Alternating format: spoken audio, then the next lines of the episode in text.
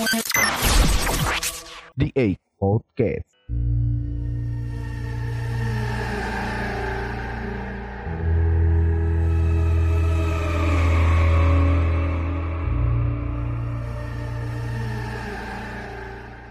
Yo, kembali lagi bersama di 8 Podcast Horror Series Chapter 2. Nah, kita kembali berseram ria untuk menemani malam-malam kalian semua. Nah, jadi langsung aja ya kita perkenalan. Jadi di sini ada hostnya, ada dua host tetap. Yang pertama saya sudah ditemani dengan siapa? Aina. Dan di sini ada Fandi. Jadi langsung aja ya. Yang pertama, eh yang pertama. Guestnya itu ada Rahayu Nining. Say hey dulu dulu. Halo Nenek. Halo. Oke. Apa kabar nih? Alhamdulillah baik. Baik. Di Lampung nih ya? Iya. Oke. Nih, Lanjut Pan. sebelumnya kita benar-benar dengan Nining kan. Kenapa? Gimana gimana? Ya, ya udah lanjut lanjut aja. Eh, untuk Nining, Ya. Gimana sih pengalaman pertamanya nih eh masuk ke dalam dunia baru yang disebut mistis? Eh, jadi pengalaman pertama dapat cerita horor itu kalau nggak salah waktu masih MTS kelas 2 atau kelas 3. Nah, itu tuh kan eh, sama kayak di IC. Aku kan sekolahnya eh, pesantren, tapi nggak di asramanya, jadi di rumah. Nah, ini tuh kegiatannya tetap kegiatannya sama, ada ngaji subuhnya gitu. Nah, waktu pernah pagi-pagi mau berangkat eh, ke masjid itu tuh kalau mau ke masjid dari rumah ke masjid itu tuh ngele- ngelewatin kayak rumah orang yang belakangnya ada kebun pisang. Nah waktu lewat situ itu tuh kayak ngeliat ada orang duduk duduk tapi eh, tubuhnya itu tingginya lebih diban- lebih tinggi dibanding kayak orang duduk biasanya. Terus eh, tapi tubuhnya tuh kayak gepeng gitu. Terus waktu dia agak noleh kayak gak ada mukanya gitu. Itu nggak tahu perempuan atau laki-laki ya nih nggak tahu. Itu dari rumah kok jalan nih? iya jalan Jauh nggak Iya. kira-kira? ya lumayan lah kadang jalan kadang naik sepeda tapi waktu itu lagi jalan Oh, terus jadi habis itu pas pas udah ngeliat kayak gitu langsung itu hantu atau gimana langsung kayak apa sih kayak takut gitu loh jadi kayak nggak noleh-noleh lagi karena sebelumnya pun kayak temanku pernah ngedenger ngedenger suara-suara aneh gitu di situ dari situ uh, lumayan seram juga ya. Tapi itu kau udah cuma ngelihat atau memang berinteraksi sama mereka nih? enggak sih cuma ngeliat Berarti kau memang bisa ngelihat ya?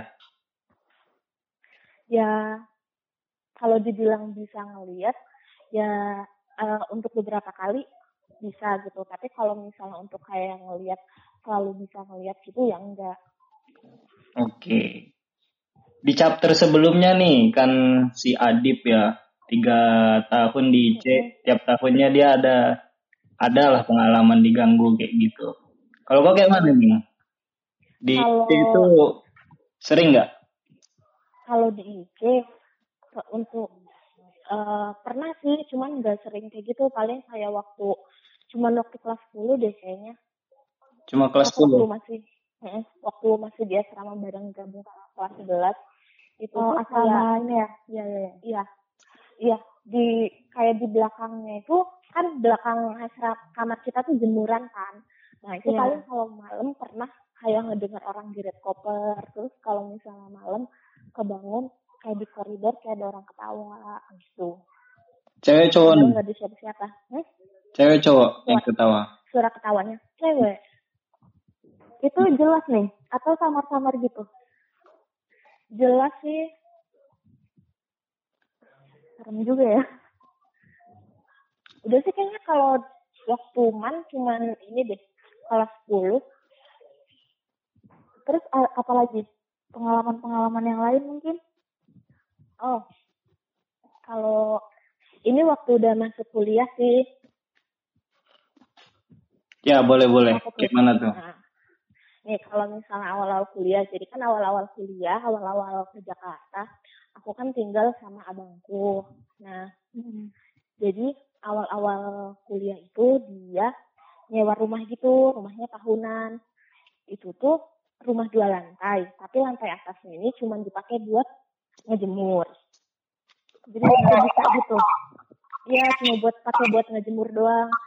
Dan di ruang atas itu ada satu ruangan yang sama pemilik rumahnya nggak boleh dibuka sama sekali. Itu di atas atau dia di lantai atas? Di lantai atas. Nah, soalnya itu kayak ada barang-barang pemilik yang sebelumnya gitu.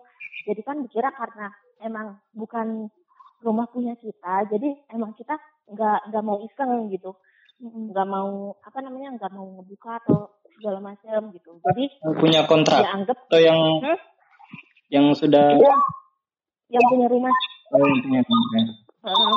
Nah, terus eh, kayak pernah suatu malam itu tuh tiba-tiba rumahnya kayak ini loh, kayak ada yang ngetok, dindingnya kayak ada yang ngetok dari arah kamarku, itu tuh kayak ada yang ngetok, tapi tuh ngetoknya tuh kuat banget sampai panci segala macam itu goyang. Nah, kita kira kan eh, aku sama abangku tuh ngira itu tuh rumah samping, rumah samping yang lagi apa sih ngerenov rumah gitu atau Hmm. ada apa gitu. Nah, terus terus kita eh, besoknya pagi-pagi tuh ke warung. Eh ibu ibu warungnya tuh kayak nanya eh, semalam ngapain gitu kok berisik banget gitu ngetok-ngetok ngetok-ngetok eh, apa dinding. Kita juga bingung. Jadi kayak situ tuh sama ibu-ibu samping sama rumah sekitarannya itu jadi kayak salah-salahan gitu loh. Pada ngira dari rumah rumah yang aku tinggalin, tapi aku ngira ibu tetangga dan ibu tetangga juga ngiranya ke rumahku, jadi pada ngira ke rumahku kayak gitu. Nah terus kayak dari situ kita belum ngerasa kayak rumahnya aneh gitu sih. Terus masih tinggal eh, Berapa lama tuh tinggal di situ nih? aku tinggal di situ tiga bulanan deh kalau nggak salah. Terus Oh, bentar. Heeh. besoknya itu kayak setiap eh, abangku ini punya teman, nah temennya ini nginep, eh pernah nginep gitu, dan temennya ini suka kayak ini loh apa sih kayak kerasukan gitu. Oh ya peka lah ya. Iya dia tuh yang kayak gitulah bisa kayak gitu. Eh entah kenapa setiap dia ke rumah ini tuh dia selalu kesurupan loh malam-malam Kesurupannya di rumahmu atau pas dia udah di balik? rumah di rumah di rumah itu di rumah yang aku kita tinggalin Kesurupannya bisa ngomong gitu. kesurupannya kayak aku gitu kesurupannya kayak teriak-teriak gitu pokoknya. Terus kayak sering kalau misalnya kayak barang-barangku tuh yang parfum lipstick gitu-gitu di kamar hilang. Ntar tuh aku cari-cari ya udah apa sih aku cari aku berantakin aku beresin lagi nggak ada. Tiba-tiba ntar aku keluar ke mana balik ke kamar tiba-tiba ada di kasur gitu loh. Terus karena rumahnya aneh gitu pindahlah kami sana di situ terus kebetulan ternyata teman kuliahku ini ada yang satu kompleks di situ. Mm-mm. waktu hakrab hakrab gitu lah pokoknya kita cerita cerita terus Hmm. diceritain lah ini rumahnya horor gini gini gini gini. Terus dia kayak langsung nanya emang eh, eh, blok apa? gitu. Terus aku sebutin lah eh, DD 9 gitu. Oh yang ini ya rumahnya sebelah kiri ya? Iya. Warna ini warna hijau. Iya aku bilang gitu. Terus dia langsung ketawa gitu. Terus aku tanya kenapa rumahnya kalau nggak salah itu pernah dibuat pesugihan ternyata Oh pantas. Itu kalau di rumah itu bisa ngerasain Mm-mm. itu atau pernah ngeliat gitu kan? Atau cuma tuh- gedor-gedor gitu ya? cuman yang waktu gedor-gedor itu aja tapi kalau misalnya kayak ngerasain enggak sih kayak kalau ngeliat juga enggak Berarti cuma kalau cuma diganggu gitu aja ya? Paling kalau misalnya ibu-ibu tetangga itu sering bilang kayak kenapa dia kok kayaknya tadi malam di lantai atas berisik banget kirit-kirit meja sedangkan di lantai atas kita itu nggak kita taruh meja karena nggak pernah kita tempatin Mm-mm. Itu kau pernah nyoba ngeliat-ngeliat kamar yang dipunyai itu nggak? pernah waktu yang karena ada yang pernah waktu yang karena ada yang gedor-gedor gitu kan yang Hmm. cerita gedor-gedor karena ibu tetangga juga pada ngerasanya dari rumah kita akhirnya abangku sih naik terus ngeliat nggak ada apa-apa cuman waktu diintip ternyata di ruangan itu kayak alat-alat elektronik kayak gitu sama ada ayat-ayat gitu Ayat-ayat maksudnya? ayat-ayat Quran gitu sih tempelan-tempelan Oh, tempelan. Disegel itu disegel. Jadi abis itu pindah dari situ? Pindah. Hmm. yang rumah sekarang aman? Aman. Jangan tahu nih yang bawa orang negatif nih enggak lah. Terus terus terus ada lagi nggak? Hmm. kalau di kampus gitu di kampus? Kalau di kampus paling kalau di kampusku tuh ininya sih kalau aku pernah ngalamin tapi kayak teman-teman tuh di kamar mandinya sering kalau di kamar mandinya diisengin. Kalau maghrib maghrib rapat habis maghrib itu yang dikenal tuh lantai tiga lantai tiga itu eh, sering kayak misalnya kalau maghrib di satu pintu ke pintu yang lain sering kayak ada yang lewat gitu kan ada kacanya jadi kelihatan gitu dari satu pintu ke pintu lain suka ada yang lewat. Gitu doang paling kalau di Kampus kau nggak ada cerita horor gitu ya, Neng? Kayak di UI kan ada danau. Ya, ITB ada ITB juga ada kalau di kampus satu kurang tahu sih tapi kalau di kampusku tuh paling kalau nggak salah ini kalau nggak salah ya eh, jadi kalau dari tahun-tahun sebelumnya itu selalu ada makrab makrab gitu tapi mulai tahunku makrab tuh nggak diadain lagi karena makrabnya kan di kampus katanya sih kalau nggak salah kesurupan massal deh waktu itu jadi nggak pernah diadain lagi kesurupan masal. Gimana ceritanya tuh? Tahu nggak? kurang tahu kalau cerita itu karena kakak-kakaknya juga kayak menutupi cerita itu karena di angkatan mereka ceritanya Oke. Kalau kau kan, mungkin kau di kampus kau mungkin ada pernah cerita-cerita horor gitu.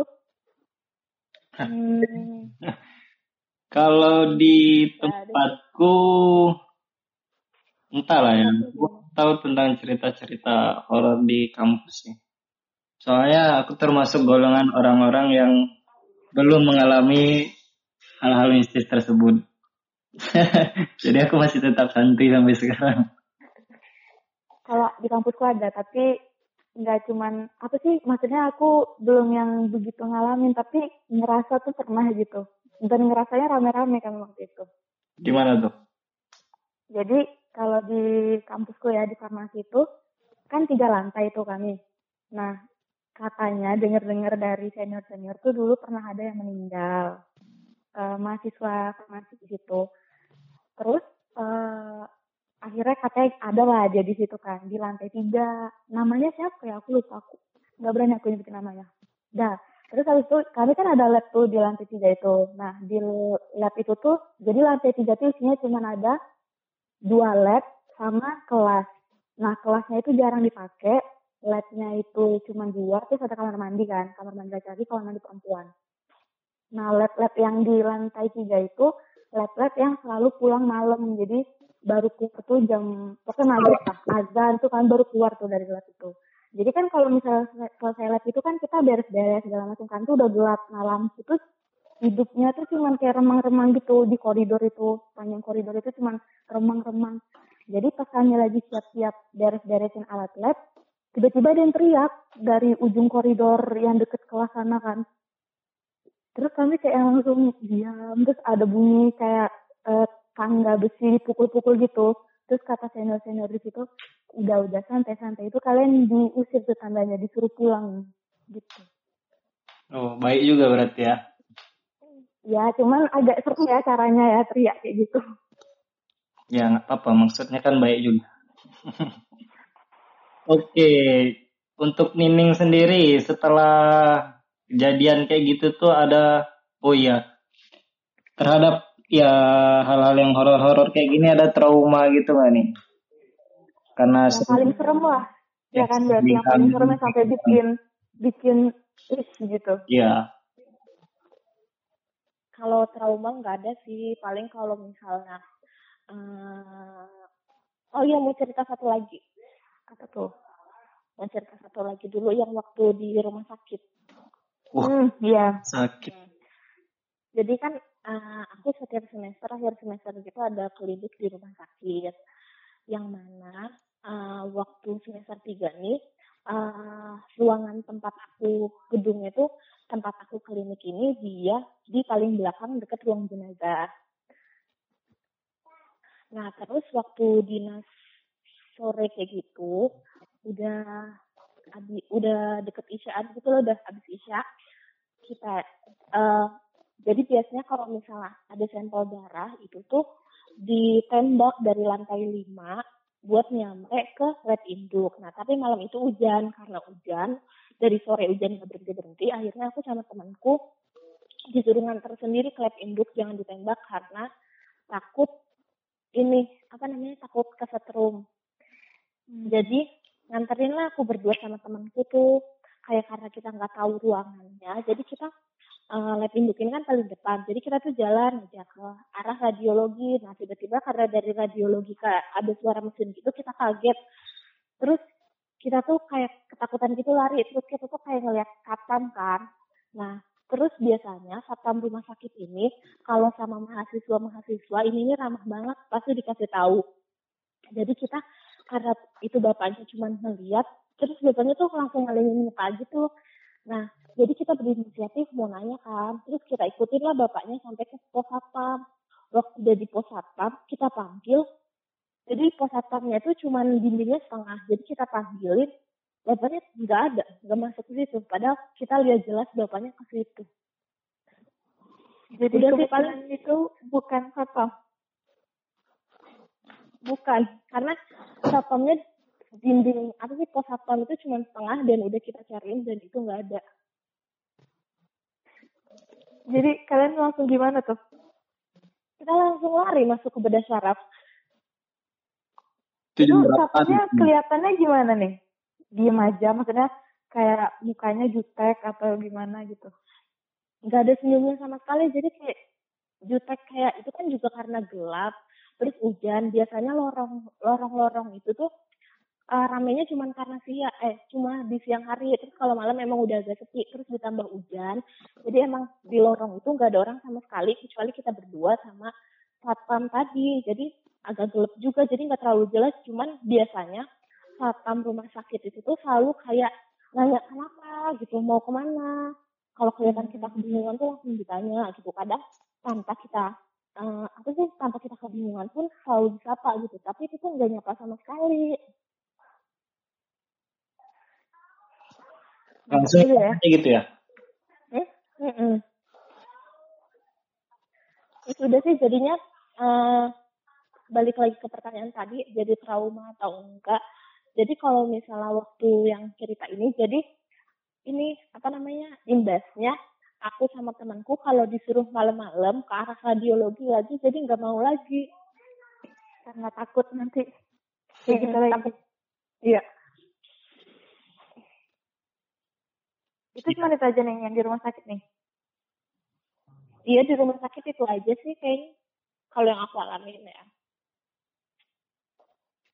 Kalau dari cerita-ceritanya ada hal-hal lain nggak di rumah sakit gitu? Biasanya di rumah sakit banyak sih. di rumah sakit itu paling ini sih apa namanya eh, paling kayak katanya ada suara-suara dari ruang jenazah gitu-gitu tapi dari kitanya nggak pernah ngalamin kalau misalnya suara-suara di ruang jenazah kayak gitu. Suara-suara gimana tuh?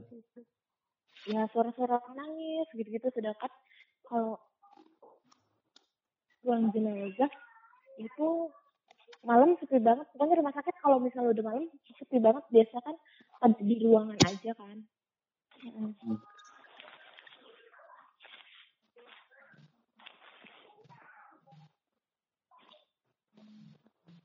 Itu nih kan dengar-dengar katanya kan bisa ngelihat gitu-gitu itu ada ada kayak apa ada turunan yang bisa ngelihat kayak gitu juga tuh gimana gitu nih Oh. Kalau aku eh, bisa ngeliat ini sih eh, bisa ngeliat gitu. Bapakku bisa bisa ngeliat. Berarti memang turunan gitu ya. Kalau bapakku kayak udah menganggap hal yang biasa gitu. Wede. Itu kan ini tadi ya. Iya kayak gitu. Pengalamannya kan MTS yang pengalaman melihatnya. Mm-mm. Itu setelah MTS itu ada pernah ngelihat lagi nggak? Atau itu yang terakhir kali? Ngeliat kayak gitu yang Iya. Kan ini tadi cuman ya ngerasain ngedenger atau Iya. sama-sama lah bareng-bareng. Kalau ngelihat langsung selain yang tadi itu ada nggak? kalau ngeliat langsung nggak ada. Nggak ada ya. Berarti cuma itu pertama dan terakhir berarti ya. Iya. Yang pernah kakak iparku malah. Apa tuh? Ngeliat gimana tuh? Malam-malam dia karena pulang malam gitu, jadi mau makan karena nggak enak bangunin kakakku, jadi dia makan sendirian di depan. Terus tiba-tiba dia ngeliat di dapur itu ada tangan. Ini bener-bener tangan, cuman nyampe siku-siku, nggak ada atasnya lagi, nggak ada bawahnya. Terus kayak ngelambai-lambai ke dia gitu. Ih, itu melayang gitu tangannya Hmm, ini beneran. Tangan melayang atau di balik tembok gitu. Melayang. Melambai. Wih, suara apa tuh?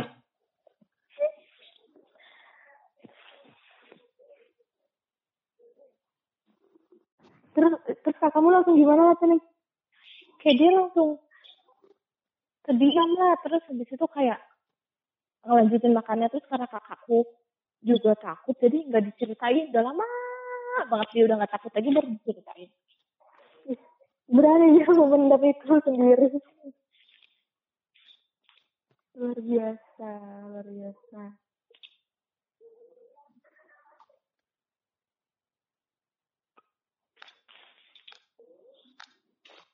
Ya, cukup mengerikan sekali ya.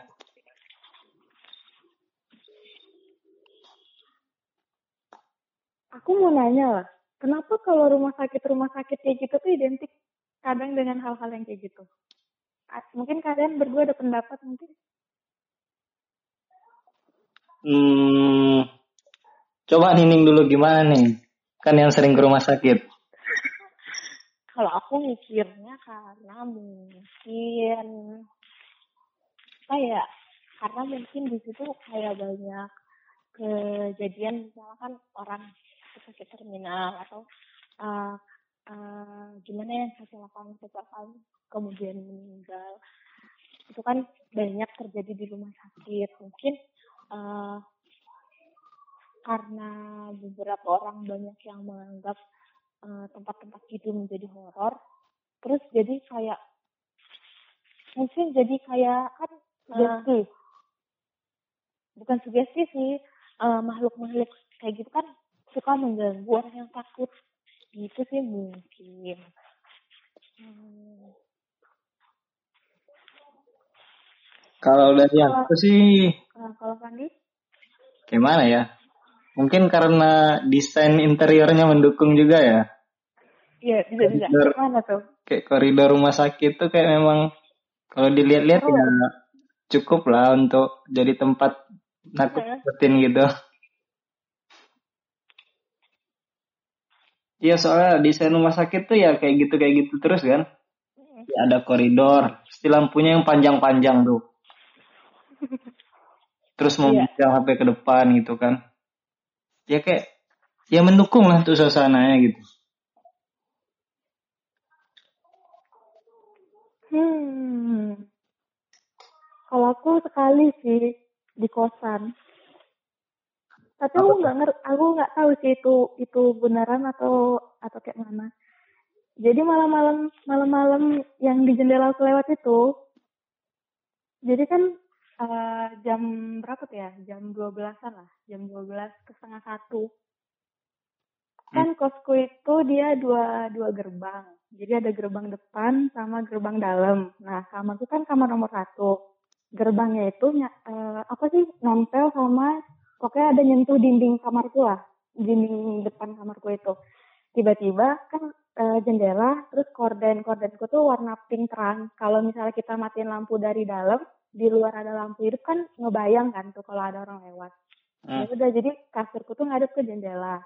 Terus tiba-tiba ada orang lewat tuh set, se- sekilas gitu kan. Aku gimana HP itu. Biasanya kalau misalnya orang lewat, mau siapa pun anak kos atau ibu kos gitu lewat, pasti denger gitu suara sendalnya atau suara turun dari tangga gitu kan. Hmm. Ini tuh nggak ada sama sekali denger kan. Terus habis itu ya aku biasa aja lah, oh biasa aja. Itu dia arahnya ke ke arah dalam, eh enggak ke arah luar. Jadi dia mau keluar. Tapi kok nggak ada bunyi pagernya. Biasanya kan orang buka pagar kan. Kok nggak ada bunyi pagarnya. Dah, oh, udah lah, aku biasa aja kan di situ. Tiba-tiba lewat lagi dia ke arah dalam. Pas udah lewat ke arah dalam, aku diam kan. Oh, mungkin orang. Berarti kan kalau dua kali kan orang kan. Tapi kok dia Hmm. dia nggak ada bunyi gerbang, nggak ada apa-apa, terus nggak ada suara kaki juga. Udah aku udah mulai takut tuh kan. Akhirnya aku diam. Pas aku diam, tiba-tiba dia lewat lagi sekali. Nah, aku takut maling kan. Jadi aku coba lah ngintip. Kan dia berarti ke arah luar lagi tuh, ke arah gerbang luar kan. Hmm. Gerbang dalam itu ketutup. Gerbang luar ketutup. Pas aku ngintip dari jendela, kan kalau dari jendela langsung ngeliat ke gerbang kan, itu kosong. Terus logikanya, kalau misal, eh, oh tunggu dulu, pas aku lihat kan dia kos, eh, kosong tuh. Pas aku ngelangkah mundur mau ke kasur lagi, lewat. Bayangan itu lagi, ke arah dalam. Coba lah pikir ya, gerbangnya itu tuh kan nempel tuh sama dinding, eh, kamarku. Kalau kita lihat dari jendela itu kosong, kan nggak ada siapa-siapa loh itu. Gerbang pun nggak kebuka tadi tuh. Tiba-tiba dia lewat dari arah dari mau masuk ke dalam. Kalaupun orang kemungkinan orang dia pasti jongkok di depan pintu pintu kamarku dong. Tapi tuh nggak ada orang. Pas aku lihat itu benar-benar kosong. Itu siapa langsung yang diam terus langsung dingin semua badanku. Dan nggak tahu sih itu siapa. Jadi kemungkinan siapa itu? nggak tahu. Terus tuh kalau misalnya kalau orang lewat dia tuh tegap kali badannya. Jalannya tuh tegap kali. Lah, kau tahu dari mana jalannya tegap? kan lihat di bayangannya. Oh, bayangannya. kan dia kelihatan sama setengah badan gitu loh jalan. Set, gitu Oke. Gila juga ya. mantap kan itu pertama kali sih cuman nggak tahu sih itu siapa Sampai sekarang ada jalan-jalan lagi ke orang. enggak cuman sekali itu sih aku ngeliat ngeliat yang bayangan kayak gitu ya kalau di, le- lewat pun kawan kos pasti kedengeran sih itunya mau dia mau dia nggak pakai sendal mau dia pakai sendal pasti kedengeran lah tapaknya kan Mm-mm. Itu nggak ada sama sekali Oke, Nining masih di sini. masih Eh, jadi setelah kejadian-kejadian kayak gitu, ada lagi nggak? Misalkan itu kan gimana ya, yang ya kerasa lah, atau yang kayak si Adip itulah yang sekedar mengganggu-ganggu sedikit, Hmm. kayak kayak apa ya? mau ngajak berinteraksi Ya, hmm. Kayak usil gitu.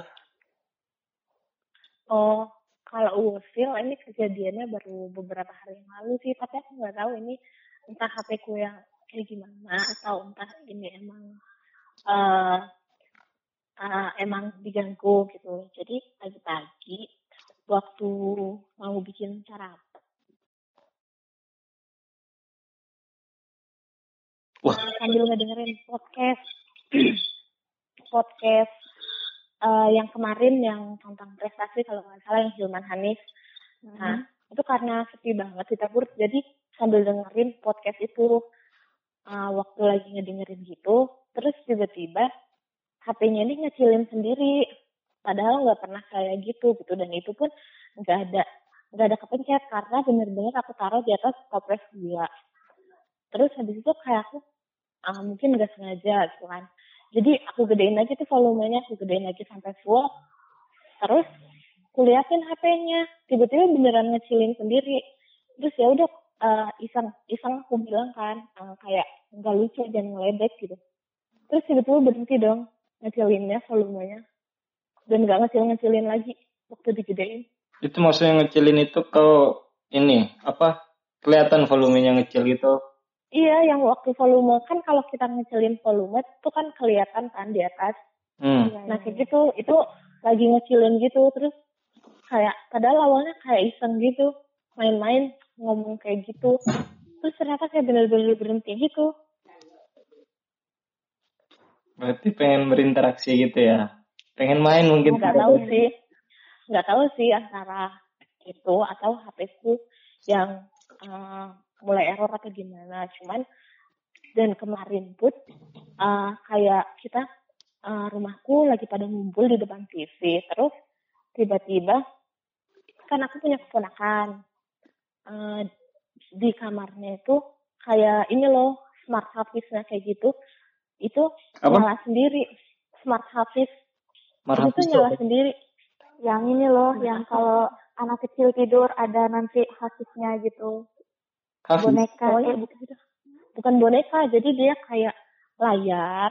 Itu isinya Oh. ngaji, dongeng, segala macam ada kayak gitu. Oh. Yang kayak gitu. Iya. Terus tiba-tiba kayak kita kan ngira, awalnya ponakanku, terus gini, ini kali mungkin eh, ponakanku gitu. Terus tapi ternyata ponakanku tuh juga nonton di TV loh waktu diliatin ke apa ke kamar nggak ada orang benar-benar nggak ada orang sedangkan itu tuh nggak akan nyala kalau nggak dipencet pencet on off-nya dan on off-nya itu ke belakang jadi bukan yang kayak cuman karena kesentuh terus dia jadi nyala gitu sedangkan on off-nya tuh harus digeser Oh iya iya iya. iya. Itu yang keputar apa nih? Kehidupnya kayak ini sih ingin apa? baru mulai itu kan kayak ada intronya gitu jadi baru waktu intronya kita kayak kayak pada kaget gitu loh. Soalnya bener-bener lagi pada di depan TV semua. Satu keluarga terus kan. malamnya Hah? terus malamnya lagi itu kan udah eh, itu kejadiannya sekitar eh, baru isya gitu deh malamnya lagi. Tiba-tiba eh, jadi depan rumahku kan ada warung. Dan di warungnya tuh ada kulkas pintu kulkasnya kedengeran suara dibuka ditutup buka tutup dimainin gitu ya sedangkan warungnya itu dikunci digembok dari luar Itu di rumahmu nih? Atau? oh Itu kalau pandangan bapakmu gimana nih? Gak tahu sih kita kayak belum cerita. Oh, kita belum cerita. kejadian ini dan eh, apa setiap kalau misalnya bapakku diceritain kayak gitu, cuman responnya cuman iya nggak apa, cuma pengen kenalan gitu, selama nggak ganggu ya nggak apa-apa gitu. Pengen kenalan. Pengen kenalan ya. Itu kok Hmm. kalau ada kejadian-kejadian kayak gitu pandangan kau tuh kayak mana nih? Ya ini sih paling atau biasa takut aja. sih. Responnya mungkin beberapa malam, mungkin tengah malam aku nggak akan berani ke kamar mandi. Loh, kok penakut juga nih ya? Kupikir Takut takut aku. aja. Ya, Apa nih yang waktu di IC nih yang kau bilang untuk pertama kalinya aku takut di IC kayak pernah ya dulu bilang. lupa apa ya? Apa ya dulu ya? Yang ini kan ya, aku. yang, yang kita habis yasinan di kamar yang samping kamarku itu yang kosong. Itu bukan ya? Ingat loh aku udah hilang. Pokoknya ada tuh kau pernah bilang, aku gak pernah takut loh selama ini, gara-garanya aku jadi takut katanya. Jadi, Sekarang aku tak sekarang aku karena sering kayak gitu jadi takut kali loh ya. Oh iya, Ya. ah lemah kau. Kok kok kok jadi takut nih? Bukannya harusnya makin sering kayak gitu kan? Harusnya makin biasa lah. Iya. Ya enggak lah. Kok gitu? Takut loh. Kan kau lebih Tidak menakutkan sini dari mereka harusnya. Iya sih harusnya mereka takut sama aku ya. Heeh. Apa yang ditakutin? Ya nggak tahu sih, cuman kayak takut. Takut itu sebenarnya karena takut tiba-tiba kaget gitu. Jam scare. Mm-mm, kayak tiba-tiba takut kalau misalnya eh ke kamar mandi tiba-tiba muncul di lubang toilet gitu-gitu sih. Yang gitu-gitu. Yang aneh-aneh. Ini kok udah keren sini. Hmm, nggak tahu. Masa dari lubang toilet, enak juga bilang dari kaca gitu kan. Kalau dari kaca gitu-gitu kayak masih biasa lah sih. Tiba-tiba kau bayangin lah. Lu kamar mandi terus tiba-tiba dari lubang toilet ada yang muncul kepala. Takut gak? Kan nggak muat nih. Ya siram Ya. aja lah. Heh, dia mah mana mana ini mana memikirkan muat atau tidaknya. Muat lah dia. Dia kan bukan kayak kita.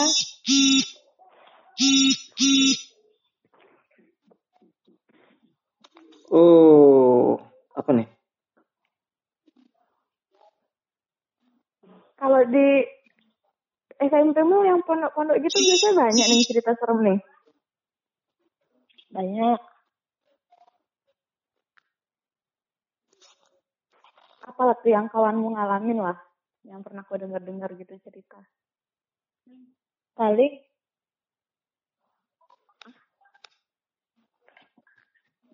paling ini sih eh, eh, kayak kesurupan-kesurupan gitu atau eh, ini pernah temanku ada yang sakit terus malam-malam gitu karena lagi ada kegiatan. Jadi dia di kamarnya sendirian kan biasanya. Terus kayak dia dibawain makan gitu dibawain sop dari mangkok. Dan dia ngeliat dengan jelas itu mangkok loncat dari satu lemari ke lemari atas lemari yang lain. Itu tuh bener-bener dan sopnya gak tumpah. Loncat, Loncat sendiri. Mm-mm. kayak terbang gitu pindah nggak pecah gitu? enggak bingung kan aku juga bingung Hmm, bisa gitu juga ya.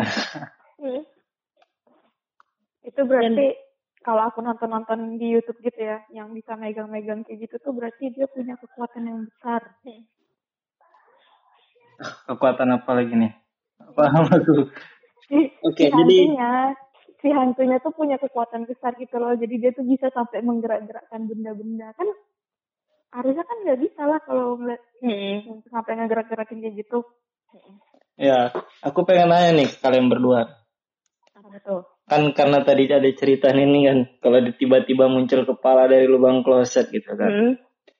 Kalau misalkan nih, kau tengah malam gitu kan, jam setengah dua ya atau jam berapa lah kejadian gitu loh.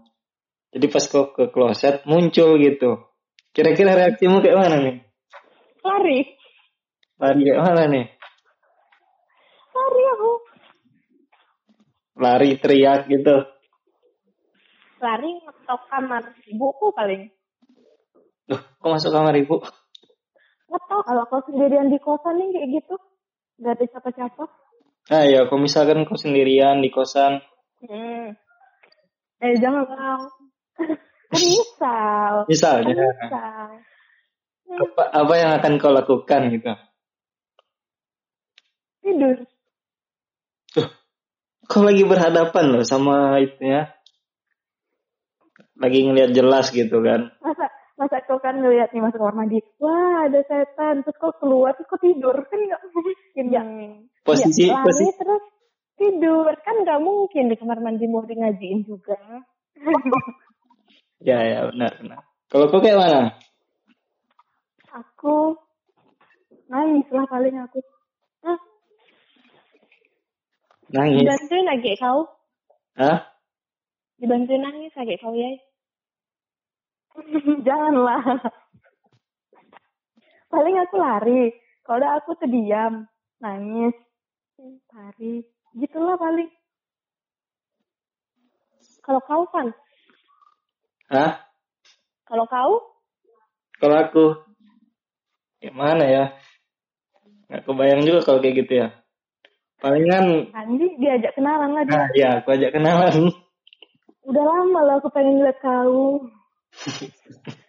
tapi Kenapa muncul di- sekarang? gitu? cowok-cowok di pondokku kayak penasaran gitu deh mereka Iya kan? Betul. ya. Memang excited aku memang ngomong kayak gitu pernah loh mereka tuh kayak ke rumahku rame-rame beneran terus cuma nanya ke bapakku cuma nanya gini gimana caranya biar bisa ngeliat kayak gitu tau gak sih abangku abangku ngefotokopi ini loh buku cara berbicara dengan jin Hah? ada tuh bukunya di lemari aku nggak berani baca tapi Bisa bicara. Mantap. Hmm. Ngomong-ngomong aja perlu ini ya. Tapi kan mau bisa loh Van katanya Ya, Yang kemarin kat, yang dulu Melihat. waktu heboh-heboh di asrama kan, yang katanya kalau malam-malam baca surat surat ajin, wih. ada gitu. Heeh. Kau coba lo kan kayak gitu kan, mana tahu ada kan? tapi tapi nggak nggak nggak boleh cuma dikasih surat kalau tawafud nggak boleh cuma bacain surat jadi harus ada eh, kau ngasih sesuatu gitu ke mereka kayak kau kasih tulang lah atau apa gitu dan di percobaan pertama pasti mereka nggak akan muncul. Udah dan itu tuh benar-benar harus sendiri kalau yang tahu ya. Dan benar-benar harus sendiri dan eh, percobaan pertama atau kedua mereka nggak akan muncul. Terus ntar percobaan kesekian mereka baru muncul tapi nggak langsung munculin seluruh dirinya gitu. Jadi misalnya dia munculin jarinya dulu gitu. Ah, ribet. Itu itu jin jin baik atau jin jahat nih yang bakal keluar? nggak tahu sih jin baik atau jin jahatnya cuman kayak pernah dengar kayak gitu coba lah Skip dulu lah. Makasih. Banyak kali persiapannya kayak. Masih banyak kawan-kawanku yang manusia nih.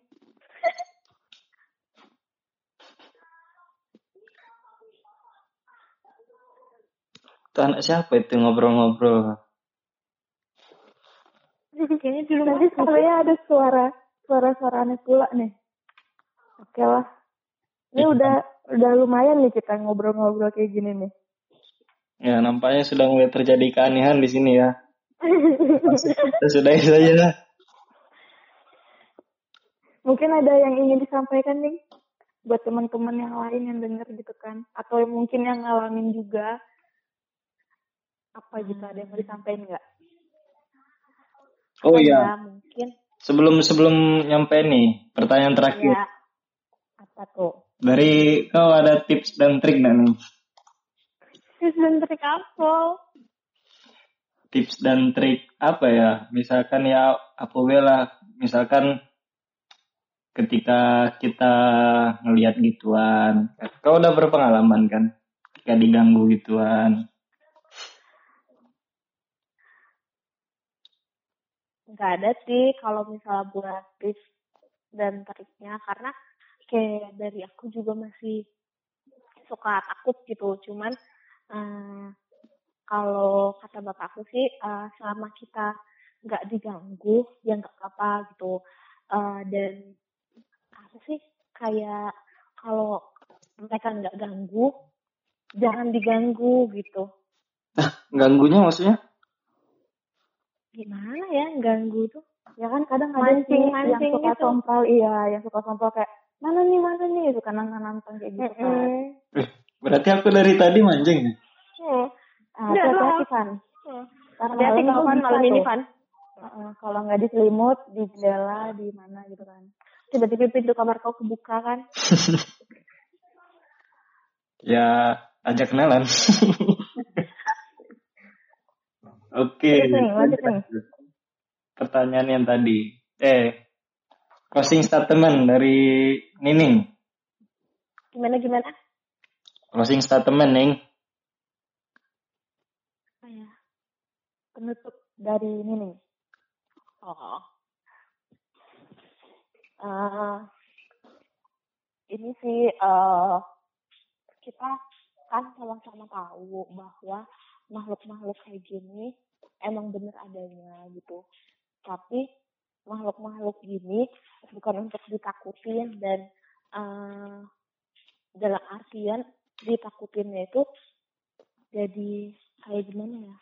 Oh, jangan eh, jangan sampai bahwa makhluk-makhluk ini lebih kita takutin daripada Allah gitu. Jadi kalau misalnya untuk kalau misalnya takut-takut sedikit gitu nggak berani atau segala macam menurut aku sih nggak apa-apa gitu tapi jangan sampai ketakutan akan makhluk-makhluk kayak gini nih eh, melebihi ketakutan kita sama Allah karena gimana pun makhluk-makhluk kayak gini ini emang benar adanya dan mereka juga makhluk Allah gitu.